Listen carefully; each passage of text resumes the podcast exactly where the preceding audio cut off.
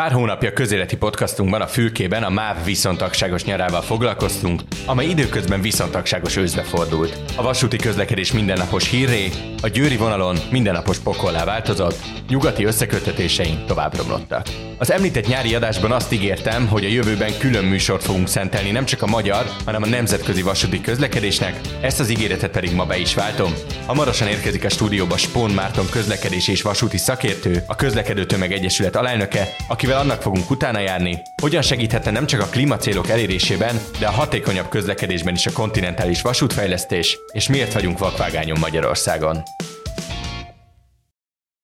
A műsort a fenntarthatóság iránt elkötelezett és annak aktív képviselője a Kia Hungary támogatja. Márton, nagyon szépen köszönöm, hogy elfogadtad a meghívást. Üdvözöllek a stúdióban. Üdvözlöm én is a hallgatókat. És ugye azzal az apropóval hívtalak be az adásba, hogy a bevezetőben is elhangzott, hogy az európai vasúti közlekedés potenciájáról beszéljünk, Viszont épp elég dolog történik vasút szintéren Magyarországon, itt házon belül is, hogy, hogy innen indítsuk inkább a beszélgetést. Ugye az elmúlt hónapokban a mellékvonalak bezárása és a győri fővonal volt az a két dolog, ami tematizálta a vasút közlekedést, mint hírtémát Magyarországon, és arra a konklúzióra jut minden egyes újságcikk és komment, ami ezzel foglalkozik, hogy iszonyatos pénzhiány van a magyar vasúti közlekedésben, hogyha nagyságrendileg kellene számszerűsíteni ezt a pénzhiányt.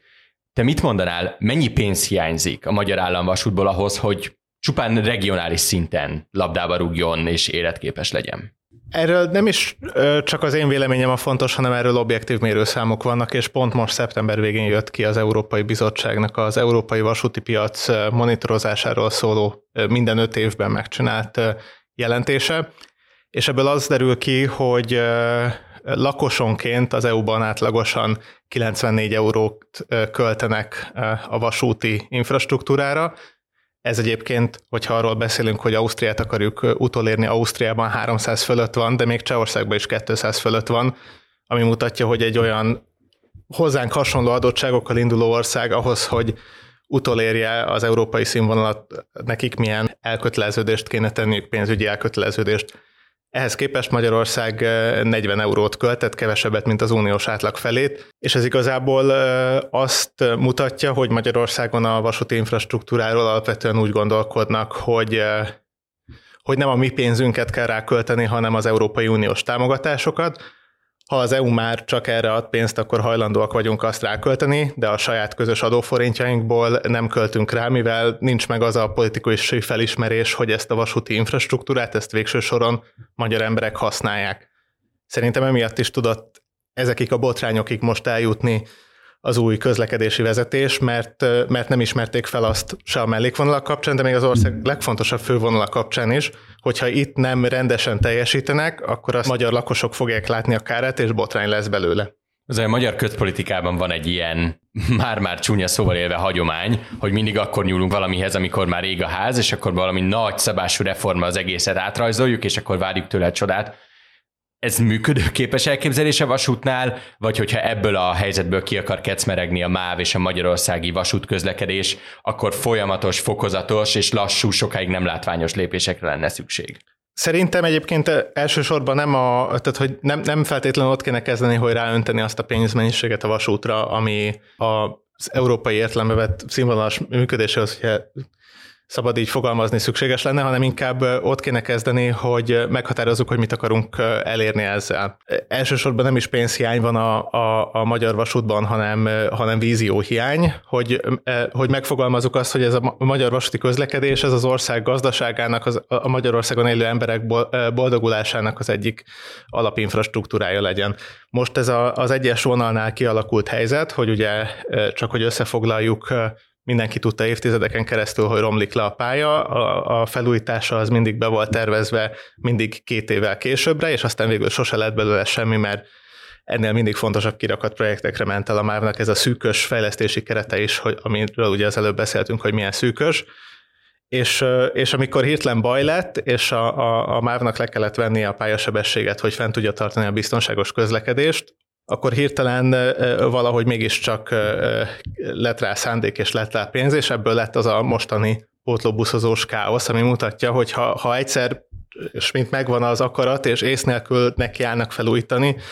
annak sincs jó vége, mert az se az vezérelte, hogy, hogy itt most egy pályát rendbe tegyünk úgy, hogy közben egy, azért azt emberek használják, utasok használják, hanem, hanem a mostani Biatorbály Szerliget közötti esetnél is az volt, hogy, hogy csak Lázár János miniszter próbálta azt a politikai kockázatot elkerülni, hogy az ő minisztersége alatt, ahol a vasút második aranykorát ígérte, ott igazából a vasút első korának megidéző sebességével döcögnek a vonatok, és itt nem, nem,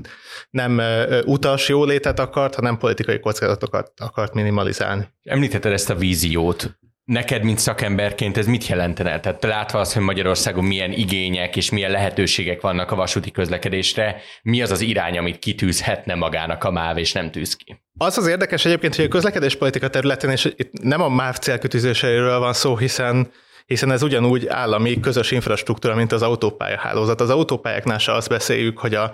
állami autópálya, illetve hát most már NUSZ nemzeti útdíjfizetőnek hívják, és ez is mutatja, hogy mennyire nem a köztudatba él, mint az, hogy MÁV ZRT,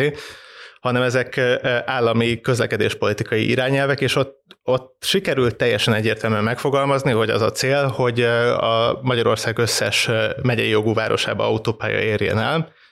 az mondjuk érdekes, hogy erről nem volt egy, egy politikai vita, vagy hát társadalmi vita, hogy ez és az erre rászánt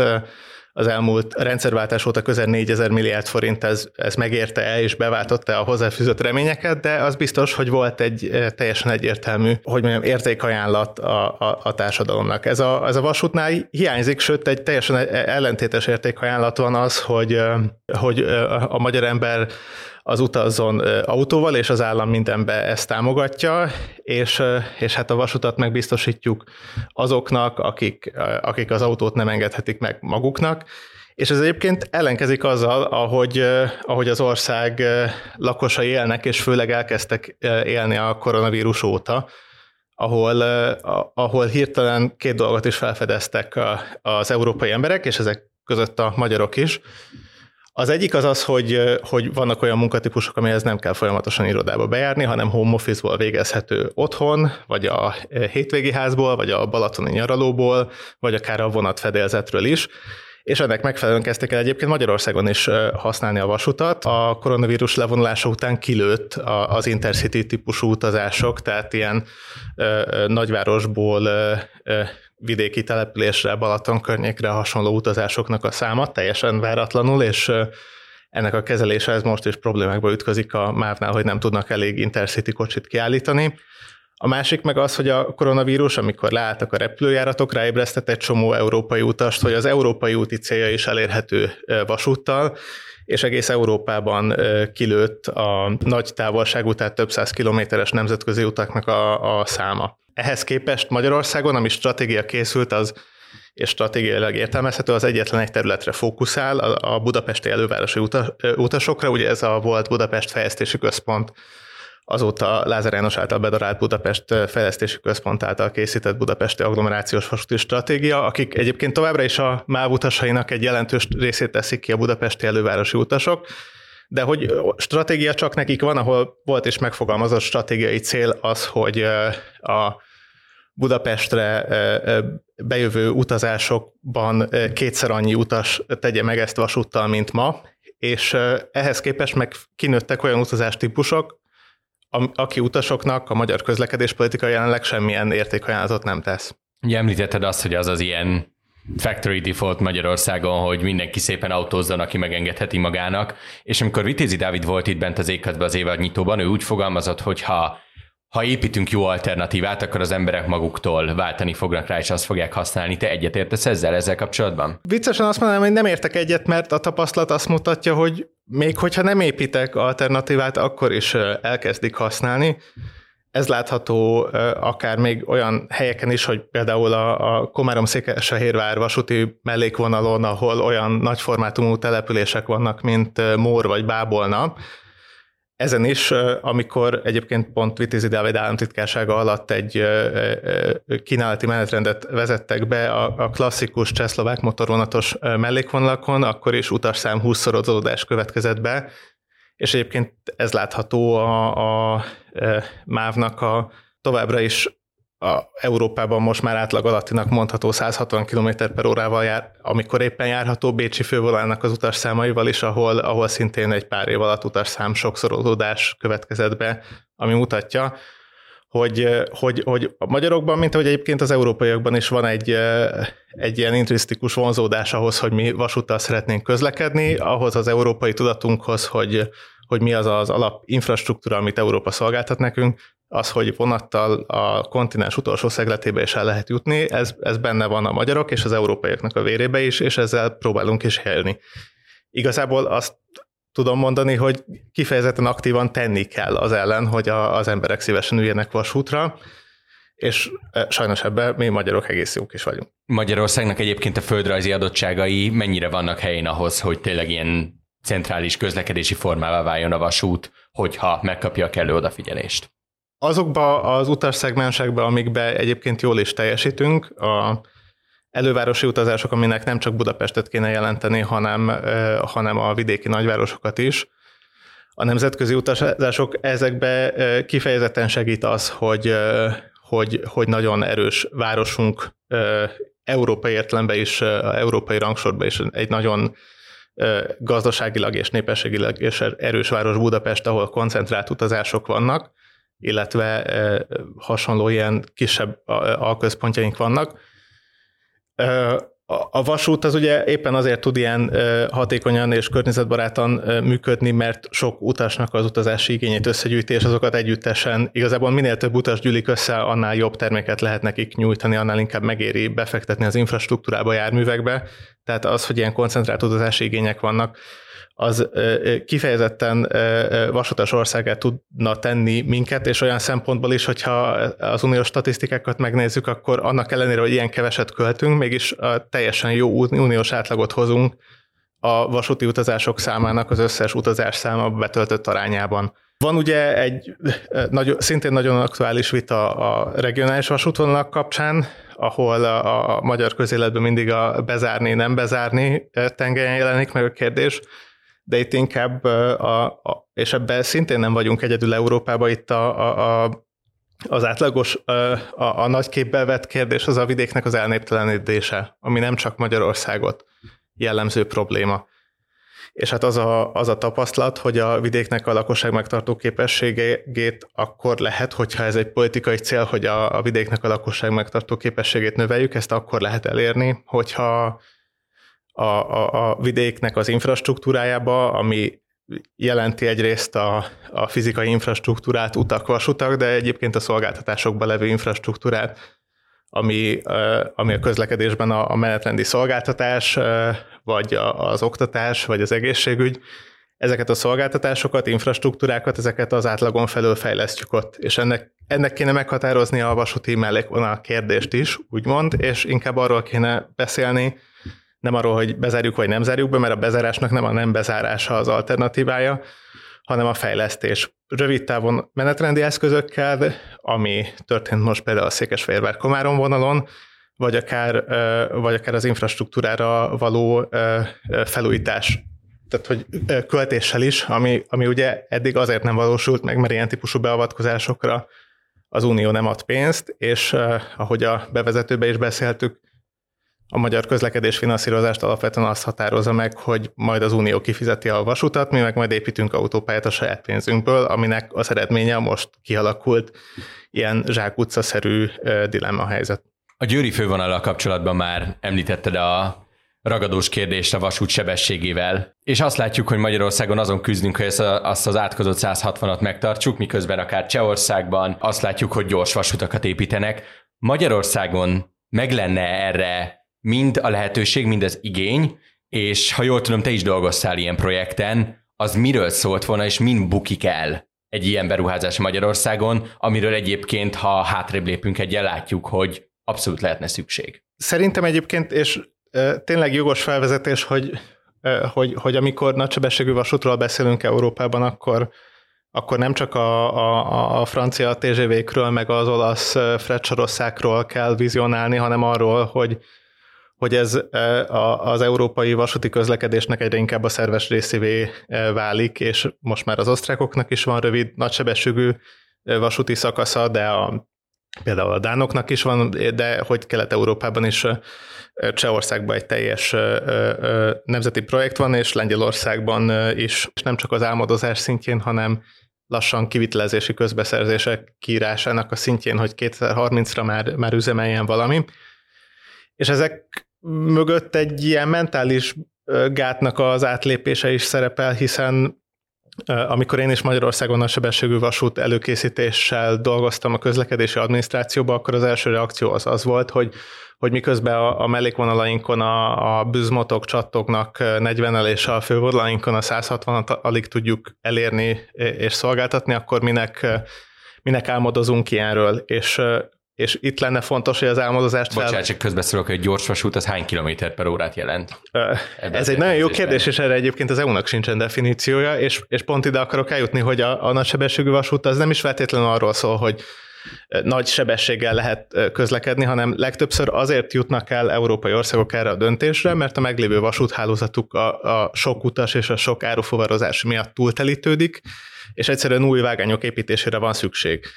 és mivel a meglévő jellemzően kétvágányú vasútvonalak azok, és pont ezért jó az európai vasút, mert a, városok középpontjába bemennek, és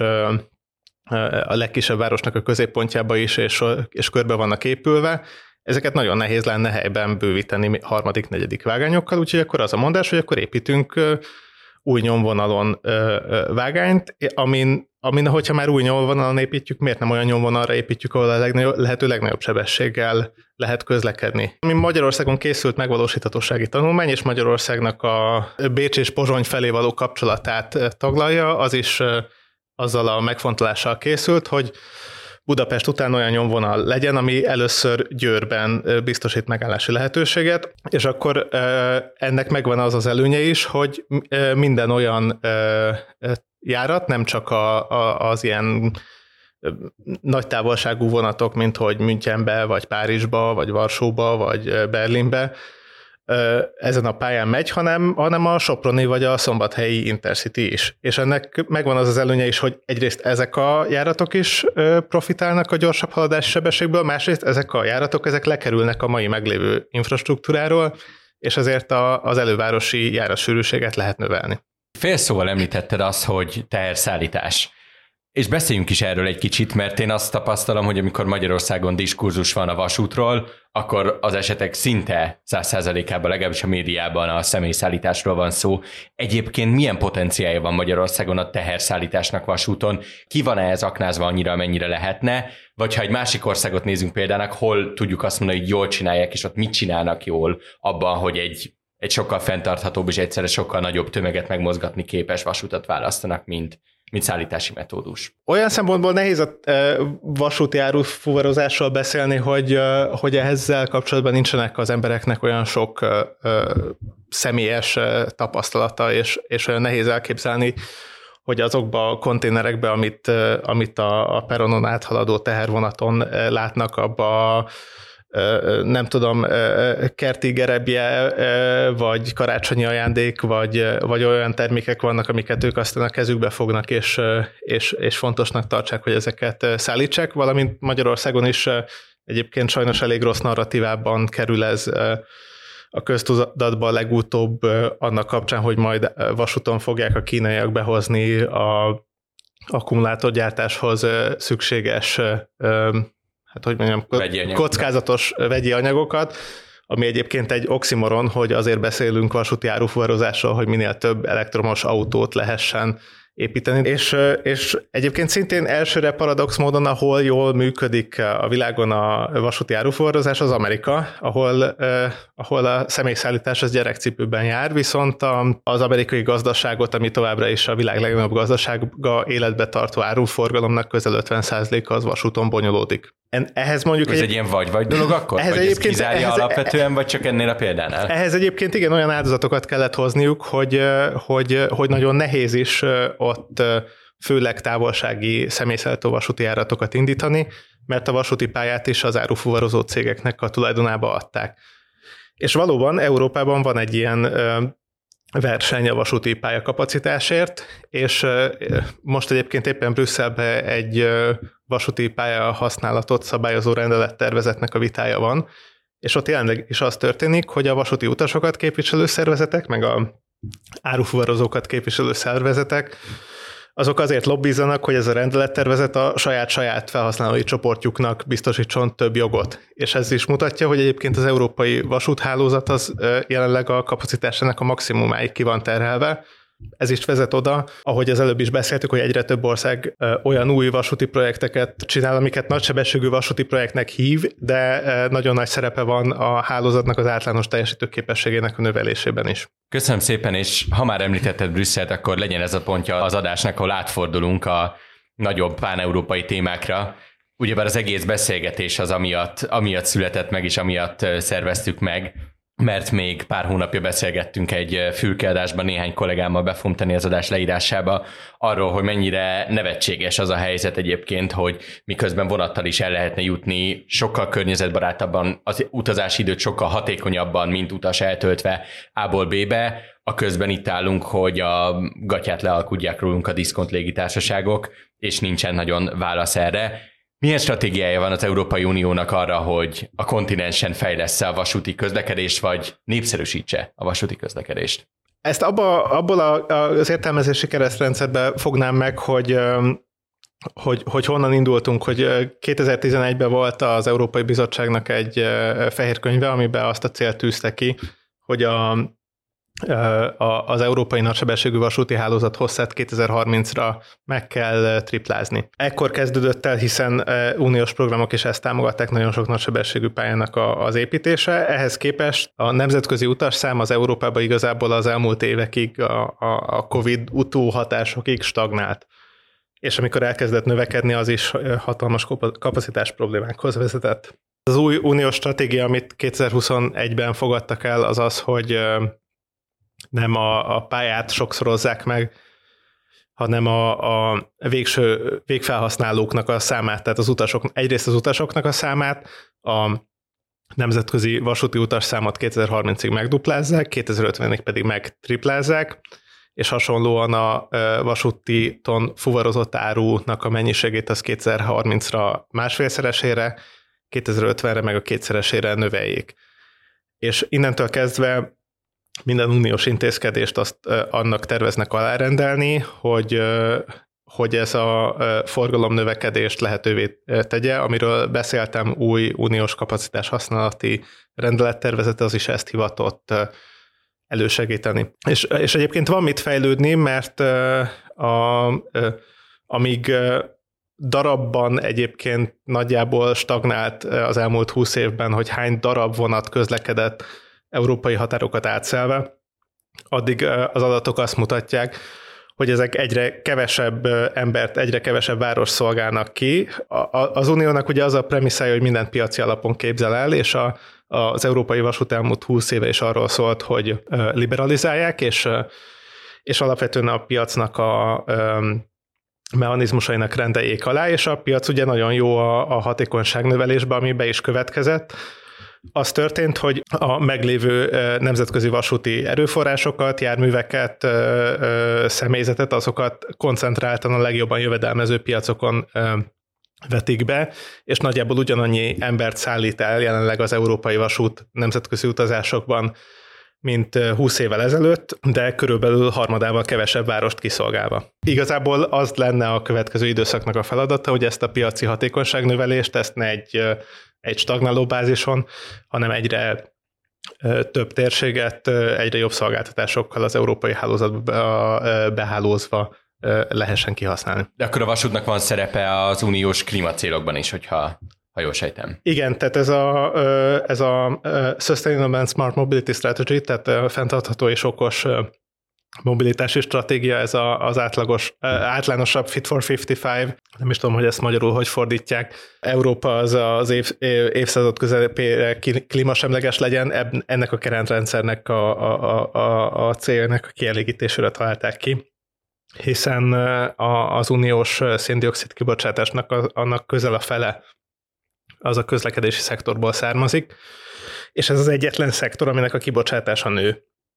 Tehát a fűtés, az ipar, ezekbe már most sikerült csökkenő tendenciákat kimutatni. a közlekedés és szállítás az az egyetlen szektor, ahol továbbra is egyre több széndiokszidot bocsátunk ki, és ez szinte kizárólag a repülés és a közútnak a számlájára írható. Itt két kérdésem még visszacsatolnék. Az egyik az, hogy melyik az a része Európának, ahol most a leginkább koncentrált ez a vasúti közlekedés, amit mondtál, hogy a piac oda topzódott? Nem is az, hogy melyik része, hanem, hanem a, a nemzetközi járattípusoknak az arányában. Az elmúlt húsz évben igazából ott fejlődött a nemzetközi közlekedés, ahol nagysebességű vasutakat építettek, és ez nagyon sok esetben annak a kárára történt, hogy ahol hagyományos vasúti kapcsolatok, mint ami egyébként nekünk van Budapest és Bécs, vagy Budapest és Prága között, ahol pedig az ilyen típusú kapcsolatokban Európában átlagosan visszafejlődés következett be, és hát a koronavírusig az európai éjszakai közlekedés pedig gyakorlatilag összeomlott. Ennek a felvilágoztatására külön, külön program van. Mindeközben az utazási igények pedig sokkal több szegmensben megvannak, ezekbe a szegmensekbe pedig a, a igazából a fapados légitársaságok nyomultak be, amik Európában gyakorlatilag adómentesen működnek, tehát nem arról van szó, hogy hogy, hogy van egy ilyen vita, hogy ki hogyan szeretné megsarcolni a, a fapados légitárságokat. Ezek a légitárságok azért tudnak ilyen alacsony árszínvonalon működni, mert annak ellenére, hogy a, a legrosszabb energiahatékonysággal, a leg, legrosszabb klímamérleggel szállítják el az utasokat, ennek ellenére Európában kvázi adómentességet élveznek. Tehát itt, ez ö, miért? Vagy, vagy ho, ho, hogy alakult ez így ki? Ennek egyébként egy nagyon érdekes története van, és ez nem, nem csak Európára, hanem az egész világra jellemző. Ugye a polgári légi közlekedés az egy viszonylag fiatal műfaj. Az, hogy a levegő az egy olyan gazdasági tér, amivel lehet valamit kezdeni, erre igazából a második világháború óta beszélünk, a, és a második világháború után, amikor a, az ENSZ-nek a polgári légi közlekedési szakosodott szervezete megalakult, akkor nem az volt a kérdés, hogy ki milyen adót fizet, hanem hogy hogyan érjük el, hogy egymás repülőit ne előjék le az országok, akik eddig a légtérre egy ilyen katonai műveleti térként tekintettek. És erre ennek a garantálására mindenféle légi szabadságjogokat fogalmaztak meg, például arra, hogy egy, mit tudom én, egy, egy Budapest-Párizs járat az átrepülhessen Ausztria és Németország fölött anélkül, hogy, hogy őt egy ellenséges célpontnak tekintsék, és ekkor lehetett volna belemenni abba a kérdésbe, hogy akkor most a Budapest-Párizs járat jegyei után beszedett áfát, vagy a, az ott eltüzelt kerozinnak a jövedéki adójából részesül-e az az ország, aki megengedi, hogy fölötte átrepüljenek a repülők, és akkor úgy gondolták, hogy mivel ezt úgyis csak néhány gazdag ember fogja használni, minek ebbe belemenni, akkor leírjuk, hogy ez egész adómentes, és ez máig fennmaradt, és hát az élet más területen is látjuk, hogy egy ilyen szerzett jogot milyen nehéz elvenni. Mikor tudnánk azt mondani, mert azért a, a diszkont légitársaságok nevükben benne van, hogy mi a main selling point, az, hogy rettenetesen olcsó, és relatíve gyorsan eljut a tából B-be, még akkor is, hogyha kivesszük, vagy elfelejtjük a képből azt, hogy kimész a repülőtérre, várakozol, és a másik repülőtérrel majd beérsz az úti célodra. Hogyan tud alternatívát nyújtani a vasút? Tehát azzal, hogyha megsarcolják a légitársaságokat, és a diszkont repülésből a diszkont szót elfelejtjük, vagy azzal, hogyha egyszerűen felzárkóztatjuk a vasutat erre a szintre, és melyik az az irány, amelyet Európa inkább ebben a kérdésben képvisel? Ahogy Európára is jellemző, a mindenből egy kicsit, és kevés, semmi nagyon látványosat útján megy ez jelenleg, és vannak egyébként nagyon jó példák, ami, amik mutatják, hogy, hogy egy komplexebb, átgondolt beavatkozás hogy tud sikerre menni. Például ott van Madrid és Barcelona esete, ami egyébként egy pár évvel ezelőttig továbbra is Európának az egyik legforgalmasabb légiközlekedési viszonylata volt, úgy, hogy hogy több mint tíz éven a sebességű vasútvonal köti össze a két várost. Ez is mutatja, hogy a, hogyha az európai vasútról beszélünk, akkor mennyire központi kérdés, hogy a hogy a, az igazából a közáltal, az adófizetők által nagyon drágán megfizetett infrastruktúra az megfelelő legyen kihasználva. Ott a koronavírus után csináltak egy kísérletet, ahol egy, ahol egy szervezett piacnyitást csináltak, és nem azt mondták, ami az átlagos európai irányvonal, hogy, hogy bárkinek van joga vasútársaságot csinálni, próbálja meg, aztán majd meglátjuk, hogy, hogy mire jut, hanem, hanem kitalálták, és ez is mutatja, hogy miért szükséges ahhoz, hogy legyen egy, egy, egy állami vízió arról, hogy a vasútnak mit kell, mit kell nyújtani. Kitalálták, hogy mi legyen a vasúti menetrend Madrid és Barcelona között, és ezt a vasúti menetrendet ezt három fiktív szolgáltató között elosztották, és azt mondták, hogy hogy, hogy kifejezetten támogatják, hogy jöjjenek új vasúti szolgáltatók, akik ennek a három menetrendi csomagnak az egyikére pályázhatnak. És egyébként mind a három menetrendi csomag elkelt, sőt a háromnál még több érdeklődő is volt, és azóta az állami vasúttársaság Renfe, akik, akik önállóan a, a annak ellenére, hogy exkluzív joguk volt ennek a vonalnak az üzemeltetésére, nem, tudtak, nem tudták kiszorítani a belföldi repülést egy ennyire evidensen vonattal megtehető útról. Az állami vasútárság Renfe az igazából úgy alakult, hogy más állami vasútárságoknak a lányvállalataival, a francia államvasút és az olasz államvasútnak a lányvállalataival versenyzik, és meglepően rövid idő alatt, kicsit több mint egy év alatt megduplázták a két város közötti vasúti utasszámot, elsősorban a repülővel megtett utak kárára, és az átlagos jegyár is megfeleződött. Ez jelenleg egy nagyon, nagyon fontos best practice, ami, ami az európai döntéshozóknak a gondolkodását is irányítja, és egyébként, hogyha tudom, hogy most elsősorban Európáról beszélünk, szerintem számunkra is fontos tanulság lehet, hogy honnan kéne felépíteni a, a vasútfejlesztést, hogy, hogy nem arról kéne felépíteni, hogy melyik polgármester milyen fejlesztést lobbiz ki, és hol az infrastruktúrára mennyit költünk el, hanem azt, hogy ezt a vasúti, vasútot ezt mit szeretnénk, kik használják, és nekik milyen szolgáltatási színvonalat szeretnénk nyújtani. Egy kitétel van ebben a spanyol példában, az az, még pedig az, hogy ez egy belföldi példa, és amikor még korábban foglalkoztunk a vasúttal a podcastban, akkor is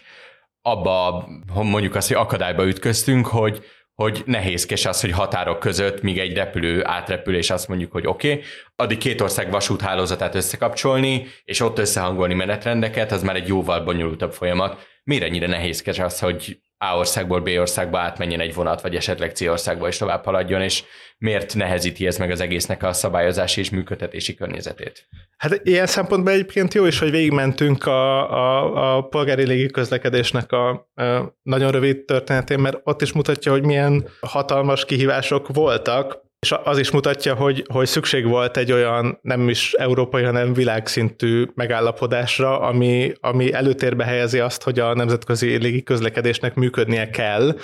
és megállapítja az országok számára, hogy mik azok a jogok és kötelezettségek, amiket ehhez, amiket ehhez garantálni kell. E, ez a, ez a folyamat, meg főleg az a gondolkodás Európában, hogy a nemzetközi vasúti közlekedésnek működnie kell, ez egyébként még, még mindig nagyon hiányzik, mert nem, nem volt egy ilyen aha pillanat, hanem, hanem a vasút az organikusan alakult ki, és elsősorban a belföldi piacokról, és ez egy most a zajló aktív folyamat, hogy európai szinten döntéshozók jönnek rá arra, hogy a nemzetközi vasúti utazásnak jelentősége van, és jelen, a, a, az alapján, hogy, hogy rájönnek, hogy a politikusok, hogy a saját szavazóik is utaznak vonattal, és nem csak belföldre akarnak utazni vonattal, hanem, hanem nemzetközi szinten is. Most ugye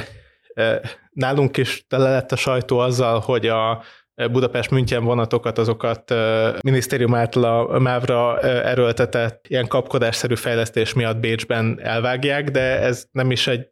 annyira magyar jelenség, mert egyébként hasonló dolog következett be Németországban, a Svájcba közlekedő vonatokkal is, ahol a svájci vasút azt a szabályt hozta, hogyha a, a német szerelvény az több mint negyed óra késéssel érkezik Bázelbe a határba, akkor már nem engedik tovább Zürichbe, hanem ott mindenkinek le kell szállni és átszállni a máshová. És ebből Németországból is hatalmas politikai botrány lett, és ott is meglepett mindenkit, hogy mekkora botrány lett. Azért, mert most kezdnek az európai döntéshozók felúcsúdni gyakorlatilag négy évtized autóipari hegemónia után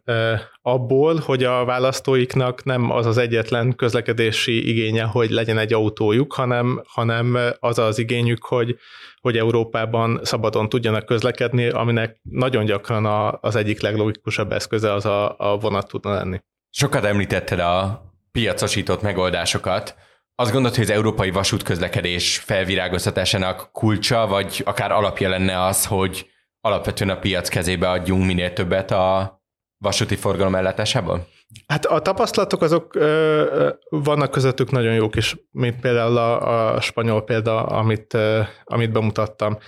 És ebbe ö, szintén van egy ö, most is zajló vita az európai közlekedéspolitikai térben, hogy, hogy az, hogy a, a,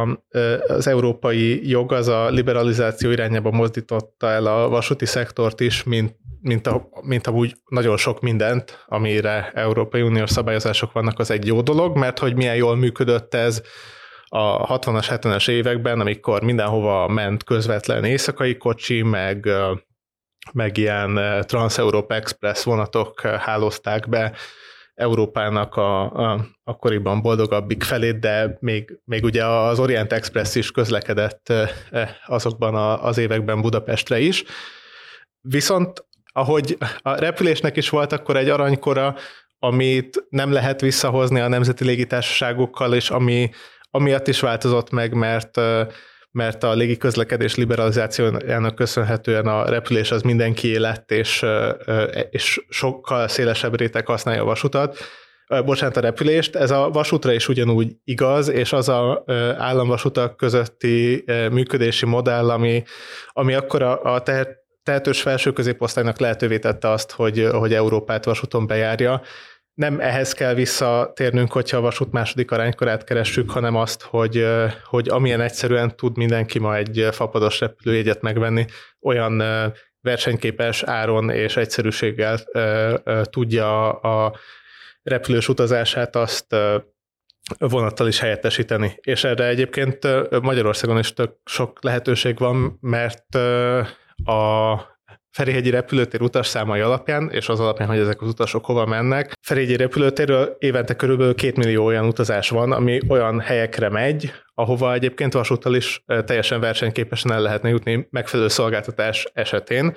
ami nem csak a... Milyen távolságokra kell gondolni? A, ilyenekre, mit tudom én például, hogy, hogy Berlin, vagy akár, vagy akár Amsterdam, vagy Párizs, ahova ahova nyilván nem lehet másfél óra alatt még nagysebességű vasúttal se eljutni,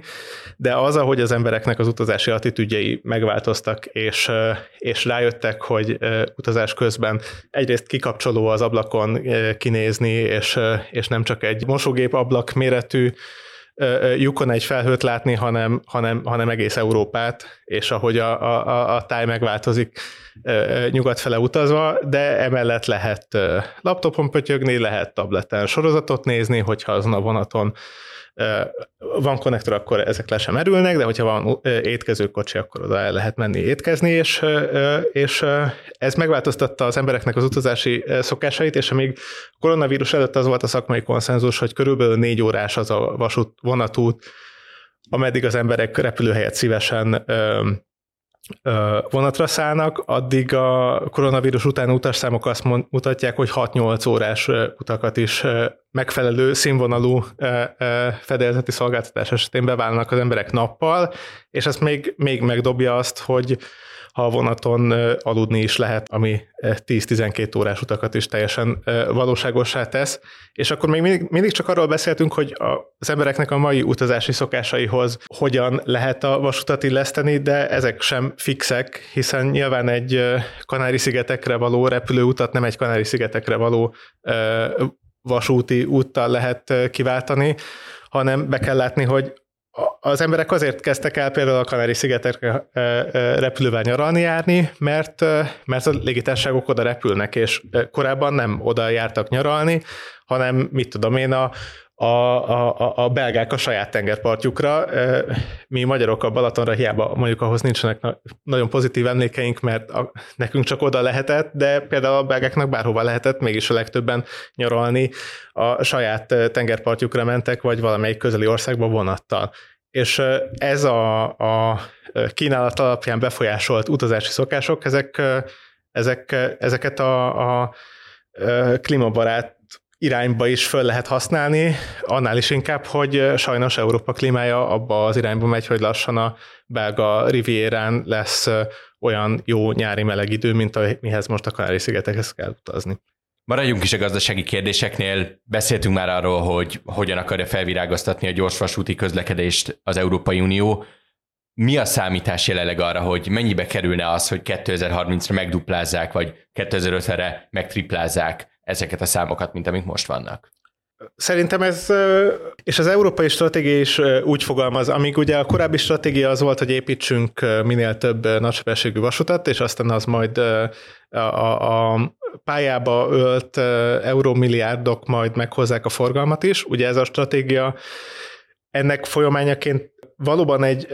rakáspénzt elköltött Európa a nagysebességű vasúti infrastruktúrára, csak éppen a, a célt nem hozta el, hiszen a nemzetközi utasszám, vagy hát a távolsági utasszám is, mint ahogy a Barcelona példán láttuk, az stagnált. Ahogy a stratégiai cél is a költsünk a pályáról legyen több utas irányába elmozdult, ezt szerintem a gondolkodást is el kell, hogy mozdítsa egy kicsit,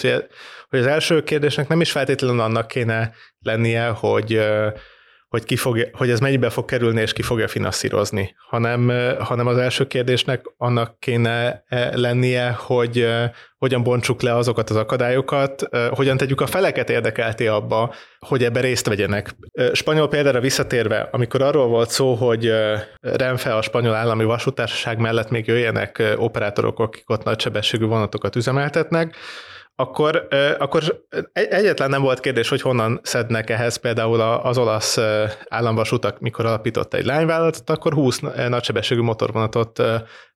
hoztak oda azonnal, és ezek a nagysebességű motorvonatok, ezek egy elképesztően sok pénz, egy ilyen nagysebességű vasútvonal, és hogyha volt egy ajánlat, hogy ezt érdemes, gazdaságilag érdemes üzemeltetni, akkor onnantól kezdve nem is az volt a központi kérdés, hogy, hogy kinek az adójából fogják kifizetni ezeket a vonatokat, hanem volt rá finanszírozás is. A fapados repülésnél is, amikor a, a, a Vizer bejelenti, hogy ők vesznek 200 Airbus-t, akkor nem az az első kérdés, hogy ki fogja ezt kifizetni, hanem hogy erre persze, hogy lesz pénz, hogyha a, az a cég, aki üzemelteti, az fel tud mutatni egy olyan működőképes és a befektetőknek hihető üzleti modellt, hogy ezek, ezt a vételárat ezt ki fogják tudni termelni. És amikor az európai nemzetközi közlekedésről beszélünk, akkor egy potenciálisan nagyon jól jövedelmező üzletről beszélünk. Az most a feladata az európai politikának, és ezen belül a tagállami politikusoknak is, hogy olyan körülményeket teremtsenek, ahol, ahol ezt az üzleti potenciált ki lehet aknázni. És mi a helyzet mondjuk Magyarországon, ahol nem üzleti kérdés a vasút üzemeltetése, és ahol tényleges kérdés az, hogy valami megtérül-e. Itthon mi az a befektetés, amire azt mondhatjuk a vasúton, hogy megtérül, mert ugye bár ezzel a felkiáltással zárják be a vasúti mellékvonalakat is, hogy minek tartsuk fönt, hogyha nem generál annyi bevételt, amennyi, amennyit kéne az, hogy önfenntartó legyen. Hát egyébként szögezzük le, hogy elvileg és papíron a magyar vasúti közlekedés is liberalizált, tehát külön szereplő a pályát üzemeltető MÁV ZRT, és a közszolgáltatások többségét üzemeltető MÁV Start ZRT, és egyébként van is Magyarországon jelen magánkézbe levő vasúti társaság. Nagyon sok van az árufuvarozásban, de ugye arról beszéltünk, hogy ez nincs annyira előtérbe, de Magyarországon jelen van a RegioJet nevű cseh magántulajdonban levő vasútárság is, akik napi két Budapest-Bécs-Prága vonatot üzemeltetnek. Magyarországon eddig vezetett az az általános megközelítés, hogy hát nyissuk ki a piacot, és akkor mindenki jöhet szerencsét próbálni. Ennyi szerencsét próbáló kedv jutott Magyarországnak innentől kezdve hogy ha abba az a sikertörténet irányába akarunk elmozdulni, ami, ami például Spanyolországban történt, akkor nem is csak pénzről, hanem, hanem pont ebbre a üzleti stabilitásnak a biztonsága irányába kéne elmenni. És egyébként pont ez, ami most történt a magyar vasúti hálózaton, hogy Lázár János miniszter gondolt egyet, és öt nappal később le lett zárva a Magyarország legfontosabb vasúti fővonala, ez most nagyon rossz az utasoknak, főleg az elővárosi utasoknak, akiknek lemondták a vonatát. Jelenleg a nemzetközi vonatok jelentős késéssel, de közlekednek. Október végét egyébként azok se fognak. De, de ez hosszabb távon is nagyon káros a magyar vasúti piacnak, mert ez még inkább csökkenti azt a kalandvágyat, idézőjelben kalandvágyat, hogy piaci alapon szolgáltatók Magyarországra jöjjenek, és új vasúti szolgáltatásokat nyissanak meg, amiknek nyilván ennyire nyílt piaci módon szerepe elsősorban Magyarország nemzetközi közlekedésében lenne, de vannak más modellek is a, a, a piacnyitásra, amik egyébként a, a mi régiónkban is sokkal jellemzőbbek, az pedig arról szól, hogy a vasúti közszolgáltatásokat piaci szereplők számára megpályáztassák, és nem, nem az az elvárás, hogy, hogy valaki egy vasúti mellékvonalat, például a Székesfehérvár-Komárom vonalat tisztán a jegyárbevételekből fedezve működtessen, hanem, hanem ennél a modellnél arról van szó, hogy abból a, az állami támogatásból, amiből jelenleg az állami közszolgáltató működik, abból az állami támogatásból egy másik cég korszerűbb járműveket, sűrűbb menetrendet is nyújtani tudhat, hogyha megfelelő versenykörülmények vannak. És ilyen jellegű közszolgáltatás... Ez, amit látunk, nem tudom, mondjuk a BKK-nál a, a külső buszszolgáltatóknál. Igen, ez, igen, ez igen, igen, ilyen modellben működik a, a budapesti kék buszoknak körülbelül a harmada és ez nem, nem nincsen a buszközlekedésre korlátozva, ilyen modellben Csehországban vagy akár Romániában is üzemelnek vasúti mellékvonalak. Tulajdonképpen ehhez bele kell törődni abba, hogy a vidéknek a lakosság megtartott képességéhez az államnak kell átlagon felüli pénzügyi kötelezettségeket tennie, és ehhez társulnia kéne annak, hogy, hogy kitűzi, hogy milyen szolgáltatási célokat szeretne elérni, és innentől kezdve hogyha megvannak a szempontok, hogy miben kell a legjobb szolgáltatót kiválasztani, az megnyitja a lehetőségét annak, hogy, hogy több szolgáltatót megversenyeztessenek. És az Európai Unió, mint a közös piac őre mit tud tenni ebben az esetben az, azért, hogy egy ilyen liberalizáció ez könnyebben végbe menjen, és gyakorlatilag mindenki nyerjen a végén, nyerjenek a szolgáltatók, akik piacot kapnak, és nyerjenek az utasok, akik megkapnak egy elégséges, vagy már annál is jobb szolgáltatást. Mivel ez a közszolgáltatási verseny ez ilyen széles körbe elterjedt az EU-ban, ezért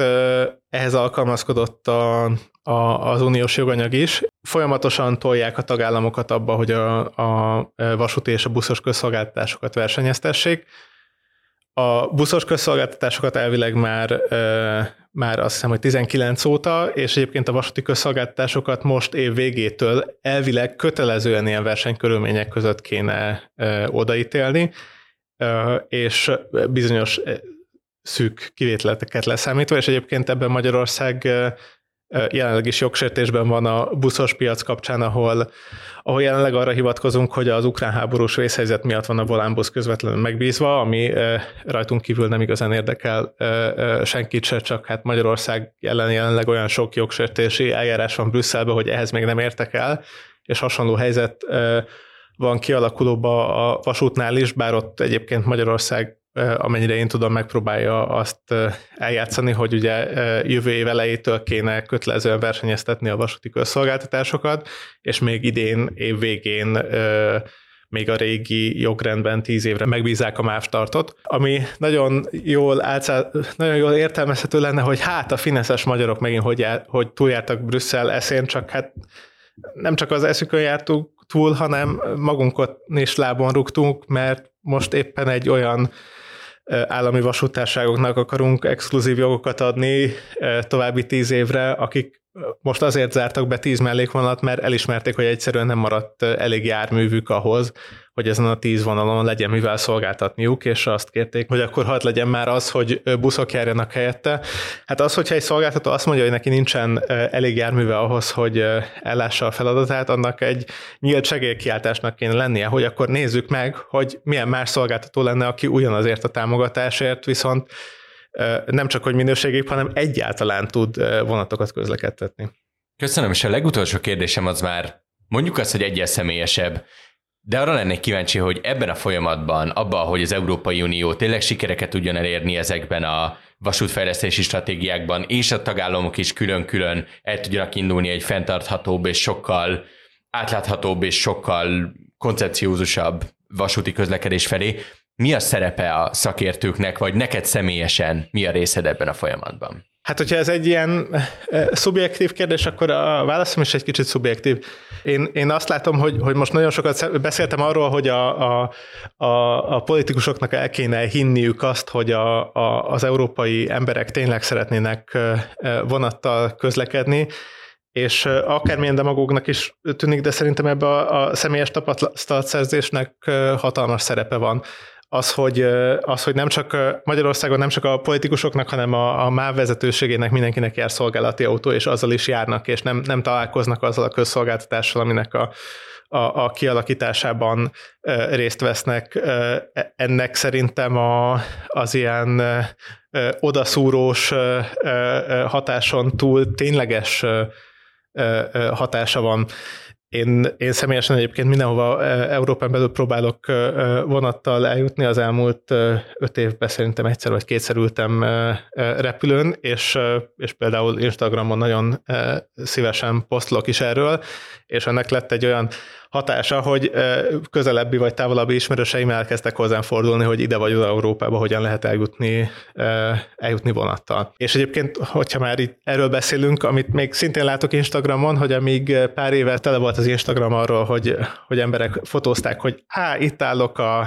a, a vizergép előtt, és akkor mindjárt megyünk, vagy, vagy kifényképeztek egy 400 ezredik képet a mosógép ablak méretű repülőablakból, ahol a szárny látszik, és igazából semmi más. Ezek a képek el, eltűntek valahogy Instagramról, és, és az emberek olyan élményeket szeretnének gyűjteni,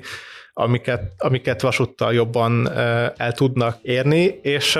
és ez az élménygyűjtés lenne szerintem egyébként fontos a közlekedéssel foglalkozó európai szakértőknél is, és egyébként ez nem, nem csak itthon, hanem egész Európában.